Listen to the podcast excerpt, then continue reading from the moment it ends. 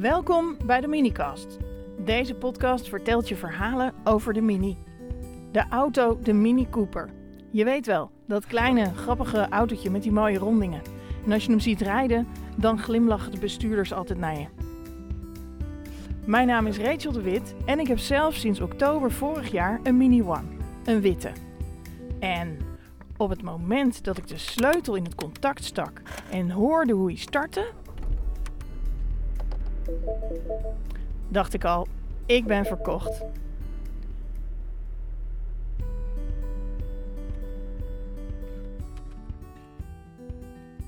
Mijn naam is Mark Zakenburg. Ik heb wel, wel iets met, met minis.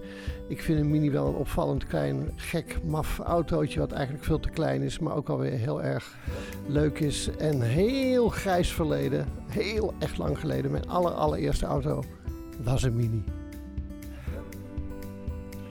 Mocht jij nou ook een bijzonder verhaal hebben, en dat heeft te maken met die mini, iets van lang geleden, iets van, van kort geleden, iets wat je ooit met de auto hebt meegemaakt, iets wat je bijstaat, iets wat je nooit zal vergeten, wat met die mini te maken heeft, dan wil de podcastproducent dat graag van je horen.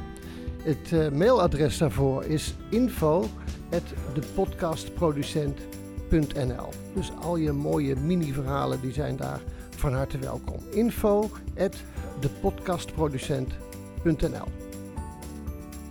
En je weet het, wij mini-bestuurders begroeten elkaar altijd vriendelijk, hè? Dus tot ziens op de snelweg. Dag.